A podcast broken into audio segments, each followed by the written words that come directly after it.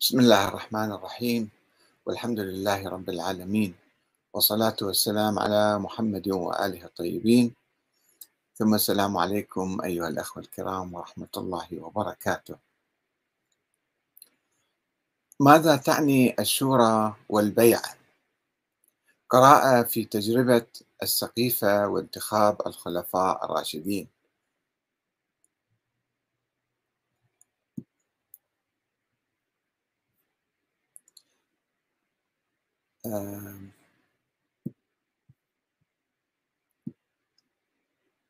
بالحقيقة رغم أن هذا موضوع قديم مضى عليه 1400 عام إلا أنه لا يزال يشكل موضعا للخلاف بين المسلمين.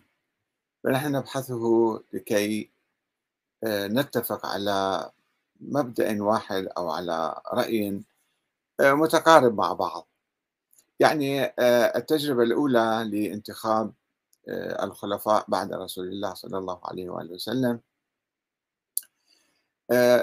كما تعرفون الشيعة الإمامية وليس عامة الشيعة يقولون بأن الإمامة بالنص. ولكن هذه النظرية ما تستمر. يعني ما يمكن أن تتواصل أنه طيب النص على الإمام علي مثلا موجود. ما بعد الإمام علي لماذا الإمام علي لم ينص على الإمام الحسن؟ الحسن لم ينص على الحسين الحسين لم ينص على زين العابدين. لا يوجد نص على أي واحد من الأئمة. يقولون الوصية الوصية أيضا إما غامضة أو غير موجودة في عدد من الأئمة. وبالتالي لا يمكن أن نشكل ثم انقطعت هذه السلسلة في منتصف القرن الثالث الهجري انقطعت هذه السلسلة. وقالوا بأن هناك إمام ولد في السر ومخفي وما حد ما شافه وما حد ما راح يشوفه إلى يوم القيامة. طيب النظرية البديلة التي يعني قال بها عامة الشيعة والشيعة الأوائل كلهم وأهل البيت وعامة المسلمين هي أن الخلافة أو الإمامة يعني الحكم الحكم ليس دينيا الحكم مدني مدني. وبالتالي يصير يعني ينتخب الحاكم من الناس مثل ما الآن الشيعة يعملون.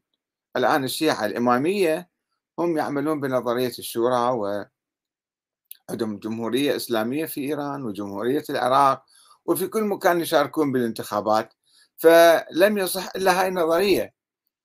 لا توجد نظرية أخرى عند المسلمين ولكن بعض الإمامية ربما لا يزال بعضهم وليس كلهم يعني لا يزالون يجادلون حول التجربة الأولى أنها كانت يعني طبيعية ولا كانت تشكل اغتصابا للسلطة من الإمام علي. هذا العقدة اللي باقية بين المسلمين. فخلينا نشوف نظريات نفس الخلفاء أنفسهم أبو بكر وعمر وعثمان وعلي ماذا ينظرون؟ ماذا كانوا ينظرون إلى السلطة؟ السلطة لمن؟ وهل كان هناك دستور معين واضح عند المسلمين حتى مثلا خالفوه. صحيح ربما حدثت بعض المشاكل لأنه التجربة كانت عفوية و يعني فجائية وما كانت أكو دستور واضح فصارت بعض الاختلافات بين تجربة وأخرى.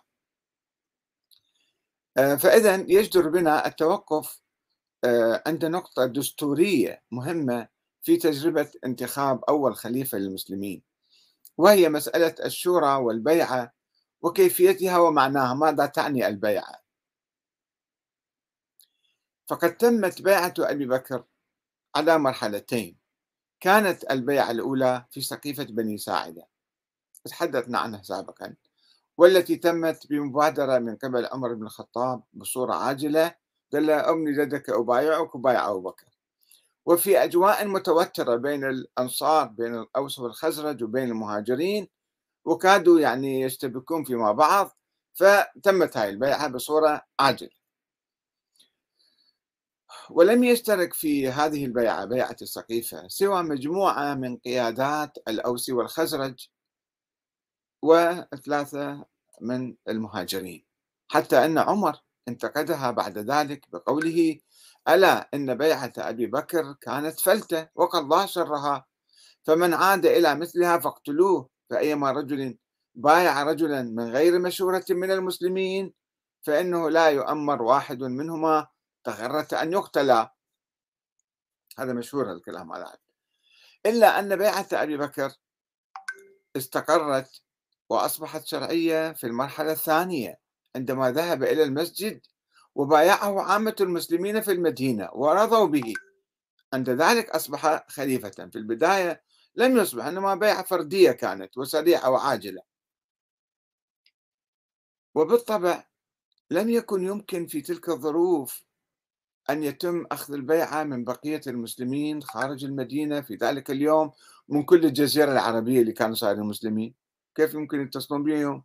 لا تليفون ولا بريد ولا واتساب ولا ولا شيء فهم المهاجرون والأنصار اللي موجودين في المدينة هم الذين انتخبوا أبو بكر وبايعوه. هم طليعة الأمة الإسلامية.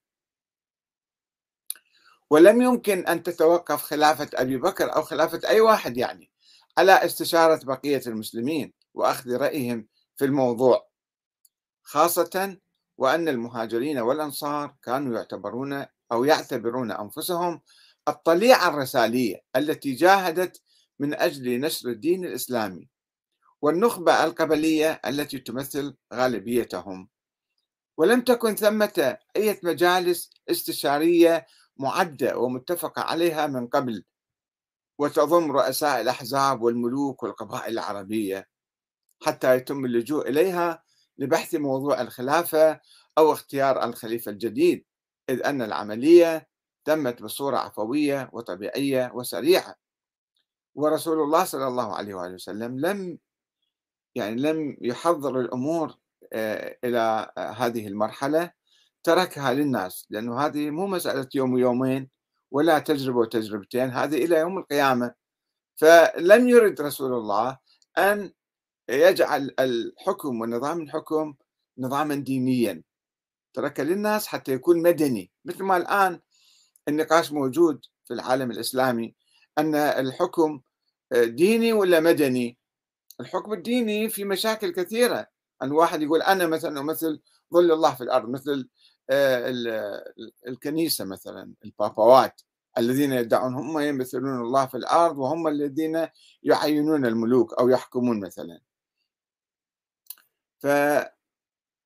فالنبي كان يعرف ده يموت ولكن لم يحضر لم يشكل مجلس للشورى مثلا حتى ينتخب هذا الخليفة الجديد.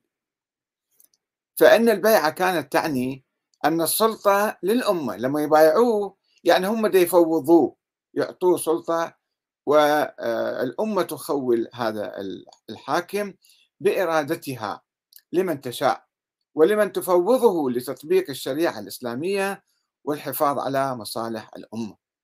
هكذا كان أبو بكر يعتقد أن السلطة هي من حق الأمة وأنها لم تتنازل له عن حقها بالسلطة إلى الأبد مثل ما بعض المنظرين الغربيين المفكرين الغربيين الذين قالوا بأن الأمة عندما تنتخب الحاكم أو الملك يعني خلص بعد ما له دور هو يصير الحاكم المطلق.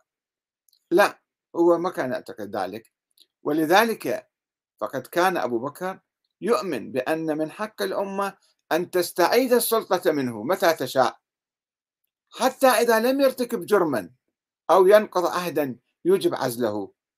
فقد قال في خطبة له قرب وفاته إن الله رد عليكم أمركم فأمروا عليكم من أحببتم. أنتم هذا أمركم أنتم وأنتم أمروا عليكم من أحببتم. ولما فرغ من قتال أهل الردة قام في الناس خطيبا ثلاثة أيام. يقول أقيلوني أقيلوني أقيلوني. فقام إليه الإمام علي فقال يا أبا بكر لا نقيلك ولا نستقيلك. لا إحنا نقيلك ولا نطلب منك أن تستقيل. هذا يذكر الهمداني القاضي عبد الجبار في كتاب المغني في التوحيد والإمامة جزء 20 قسم 2 صفحة 146 آه نعم. وكان عمر بن الخطاب يشارك أبا بكر مفاهيمه عن الشورى والبيعة وحق الأمة في انتخاب أئمتها. وكان يقول لا خلافة إلا عن مشورة.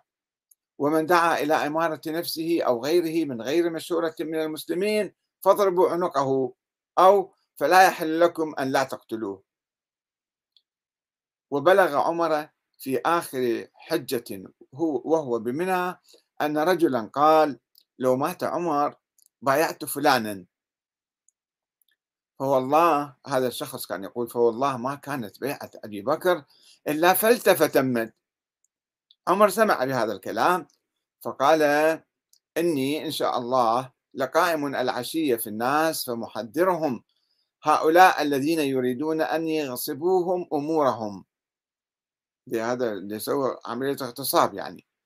ولما وصل المدينة قام في أول جمعة فخطب خطبته المشهورة في شأن خلافة أبي بكر ثم قال لقد كانت فلتة فمن بايع رجلا من غير مشورة من المسلمين فلا يتابع هو والذي بايعه تغرة أن يقتل ها كل المؤرخين يذكرون أنا ما ما في حاجة حتى أذكركم المصادر لأنه مصادر معروفة وموجودة في كتابي أيضا. هذا بحث جزء من كتاب آه، تطور الفكر السياسي السني نحو خلافة ديمقراطية منشور قبل عشر سنوات أو, أو أكثر من ذلك. وكان عمر يرى تساوي المسلمين من المهاجرين والأنصار وغيرهم وحتى من الموالي في تبوء منصب الخلافة. مو فقط في قريش يعني إنما الأفضلية بالطبع للطليعة الرسالية التي قام على أكتافها الإسلام. ومن هنا أعلن أن هذا الأمر في أهل بدر ما بقي منهم أحد. ثم في أهل أحد ما بقي منهم أحد وفي كذا وكذا. وليس فيها لطليق ولا لولد طليق أو ولد طليق أهل مكة يعني من قريش ولا لمسلمة الفتح شيء. اللي إجوا بعدين صاروا مسلمين هذول ما لهم حق بالخلافة. هذا حسب الدستور المؤقت اللي كان ذيك الأيام يعني. وهذا أمر طبيعي في ذلك الوقت تجاه الأشخاص الذين حاربوا الإسلام حتى انتصر عليهم. مو يجوا مرة واحدة يقفزون ويصيروا هم حكام. وفي هذا المجال اشتهر أو اشتهر عن عمر قوله لو كان سالم مولى حذيفة حيا لوليته أو لما دخلتني فيه الظنة. وانطلاقا من رؤية عمر إلى الخلافة بأنها حق الأمة. رفض كسلفه أبي بكر أن يحول الخلافة إلى ملك عضوض بأن يورث الحكم إلى أبنائه. رغم اقتراح بعض الصحابة عليه ذلك إذ قالوا له يا أمير المؤمنين إن في عبد الله للخلافة موضعا فاستخلفه فإنا راضون به. فقال عمر حسب آل الخطاب تحمل رجل منهم الخلافة. والتفت إلى ابنه عبد الله محذرا. يا عبد الله إياك ثم إياك لا تتلبس بها. وعندما أشرف على الوفاة ودخل عليه المهاجرون فقالوا يا أمير المؤمنين استخلف علينا. رفض الاستجابة لهم قائلا والله لا أحملكم حيا وميتا. ثم قال إن إن أستخلف فقد استخلف من هو خير مني يعني أبا بكر. وإن أدع فقد ودع من هو خير مني يعني النبي عليه الصلاة والسلام. فقالوا جزاك الله خيرا يا أمير المؤمنين. فقال ما شاء الله راغبا وددت أن أنجو منها لا لي ولا علي. وبعدين طبعا كما تعرفون عين شورى من الستة ستة من زعماء قريش المهاجرين. ليس كل المهاجر يعني كل قريش. ورغم ما يعرف عن عثمان بن عفان من تمسكه بالسلطة ورفضه للاستقالة حتى الموت فإن المؤرخين ينقلون عنه اعترافه بأن الأمر يعود في النهاية إلى الأمة حتى يقال أنه عندما اشتدت المعارضة ضده فكر بالاستقالة وأرسل إلى حويطب ابن عبد العزى فقال قد بدأ لي أن أتهم نفسي لهؤلاء فأتي عليا وطلحة والزبير فقل لهم هذا أمركم تولوه واصنعوا فيه ما شئتم. هذا أيضا آه، ابن قتيبة الدينوري ينقل هذا النص في كتابه الإمامة والسياسة جزء واحد صفحة 37 أما موقف الإمام علي بن أبي طالب من السلطة وأنها من حق الأمة فأشهر من أن يذكر. فقد كان الإمام يؤمن بحق الأمة في الشورى. وبحق جميع المسلمين في الترشيح والانتخاب حيث يقول الواجب في حكم الله وحكم الإسلام على المسلمين بعدما يموت إمامهم أو يقتل أن لا يعملوا عملا ولا يحدثوا حدثا ولا يقدموا يدا ولا رجلا ولا يبدأوا بشيء قبل أن يختاروا لأنفسهم إماما عفيفا عالما ورعا عارفا بالقضاء والسنة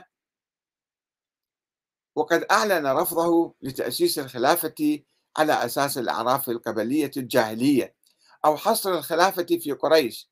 فقال في خطبة له أيها الناس موجودة في نهج البلاغة وفي كل المصادر الشيعية. فقال أيها الناس إن أحق الناس بهذا الأمر أقواهم عليه وأعلمهم بأمر الله فيه. وقد علمتم في خطبة أخرى وقد علمتم أنه لا ينبغي أن يكون الوالي على الفروج والدماء والمغانم والأحكام وإمامة المسلمين البخيل فتكون في أموالهم نهمته ولا الجاهل فيظلهم بجهله ولا الجافي فيقطعهم بجفائه ولا الحائف للدول يميز يعني يميل إلى هذا وذاك فيتخذ قوما دون قوم ولا المرتشي فيذهب بالحقوق ويقف بها دون المقاطع. ولا المعطل للسنة فيهلك الأمة. هاي في خطبة رقم 173 وخطبة رقم 131 في نجيب العاقل. ولذلك فقد ترك الإمام علي الأمر من بعده لعامة المسلمين ولم ينص على أحد من ولده ولم يقيده في قريش أو المهاجرين والأنصار. وقد دخل عليه يعني في البداية يعني يمكن يكون مؤقت هو قبل ما لما أرادوا أن ينتخبوه قال إن هذا الأمر إن إنما الشورى للمهاجرين والأنصار في خطبة أخرى له. ورفض أنه ذول الثوار اللي جايين من خارج المدينة هم يقررون مصير الإمامة وقال لا أول شيء خلينا نشوف المهاجرين والأنصار ماذا يقولون. وقد دخل عليه المسلمون بعدما ضربه عبد الرحمن بن ملجم وطالبوا منه أن يستخلف ابنه الحسن. نفس الشيء أنه عين الإمام الحسن؟ فقال لا. إنا دخلنا على رسول الله فقلنا استخلف. فقال لا أخاف أن تفرقوا عنه كما تفرقت بنو إسرائيل عن هارون. ولكن إن يعلم الله في قلوبكم خيرا يختر لكم. وسألوا عليا أن يشير عليهم بأحد فرفض. فقال له إن فقدناك فلا نفقد أن نبايع الحسن. فقال لا أمركم ولا أنهاكم أنتم أبصر. وفي رواية أخرى قال إنه أوصى بنيه وأهله خاصة وخاصة شيعته قائلا دعوا الناس دعوا الناس وما رضوا لأنفسهم وألزموا أنفسكم السكوت. وهذا ما يدل على احترام الإمام علي لدور الأمة وحقها وحقها في الشورى واختيار الإمام. هذا تجدوه أيضا في الحافظ أبو بكر بن أبي الدنيا في كتاب مقتل الإمام أمير المؤمنين والسيوطي والشيخ حسن بن سليمان في مختصر بصائر الدرجات آه، عن سليم بن قيس الهلالي. قال سمعت علي وهو يقول وهو بين ابنيه وبين عبد الله ابن جعفر وخاصة شيعته حتى هذا الكتاب يقول ذلك. آه، يجون بعض الناس يستشكلون ويقولون آه، طيب أنه من جعل الشورى في يد الزعامات من قيادات الأوس والخزرج وبأي حق. لأنه ما كان في شيء اسمه دستور وفي نص فالأنصار هم أهل المدينة ارتأوا أن ينتخبون أمير عليهم. ما كانوا يفكرون على كل الجزيرة العربية. المهاجرون القرشيون قالوا لا إحنا نروح آه، ننتخب واحد من قريش حتى يكون أقوى في تثبيت النظام الجديد في كل الجزيرة العربية. فهنا المشكلة البعض يستشكل من أعطاهم حق الأخ كريم صبري شعبان وآخرون يقولون يعني يعني لأنه كان في فراغ في فراغ وما في دستور مكتوب مسبقا فكل واحد كان يتصرف كما يشاء. وبعدين شوية شوية الأمور وهذا المبادئ الدستورية الأولى التي وضعوها بالسقيفة أنه نحن الأمراء وأنتم الوزراء مثلا أو لا نستشير لا نقطع أمرا إلا باستشارتكم. هذه يعني مبادئ دستورية أولية مؤقتة كانت وحدث فيها افترضوا حدث فيه ارتباك حدث فيه أخطاء. ما كانوا معصومين مو أنبياء هم. وبالتالي الشيء الأساسي المشترك بين جميع هؤلاء الخلفاء أنهم يعتقدون أن الإمامة من حق الأمة وهي التي تفوض هذا الحق للحكام وعلى أساسها ينتخبون. وكذلك عندما انتخبوا الإمام الحسن هو اشترط عليهم أنه تصالحون من أصالح وتحاربون من أحارب. فقالوا نعم فبايعوه ثم هو قرر أن يتنازل عن الخلافة ويعطيها إلى معاوية. فالخلافة ليست مسألة دينية حتى نتقاتل عليها إلى يوم القيامة. نحن الآن ما يهمنا هو آه، انتخاب أئمتنا وحكامنا من أنفسنا. إحنا ننتخب ننتخبهم عبر إما مباشرة انتخابات مباشرة أو عبر مجالس نيابية. المجالس هي تنتخب الرؤساء بعد ذلك. يعني إما نظام رئاسي أو نظام برلماني ونراقب الحكام نحاسبهم ننتقدهم نغيرهم أيضا.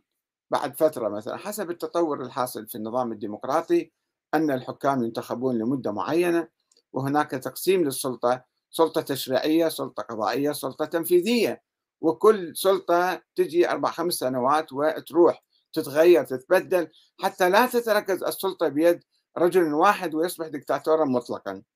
فهذه العبرة. يعني إحنا لماذا نقف عند بعض التفاصيل الجزئية في موضوع السقيفة والشورى؟ وننسى الأصل والمبدأ اللي هو مبدأ حق الأمة في انتخاب الإمام. وما نريد إحنا نغوص في التاريخ ونقول هذا على حق وذاك على باطل أو هذا كان أفضل ولماذا لم يحدث كذا ولماذا حدث كذا. المهم في هاي التجربة آه، تؤسس لحق الأمة التي آه، أعطاها الله لهذه الأمة أن هي آه، أمة حرة وكل شخص هو حر هو يتنازل عن حريته ويعطيها للحاكم بقدر معين حتى يدير أمور المجموع والمجتمع. والسلام عليكم ورحمة الله وبركاته.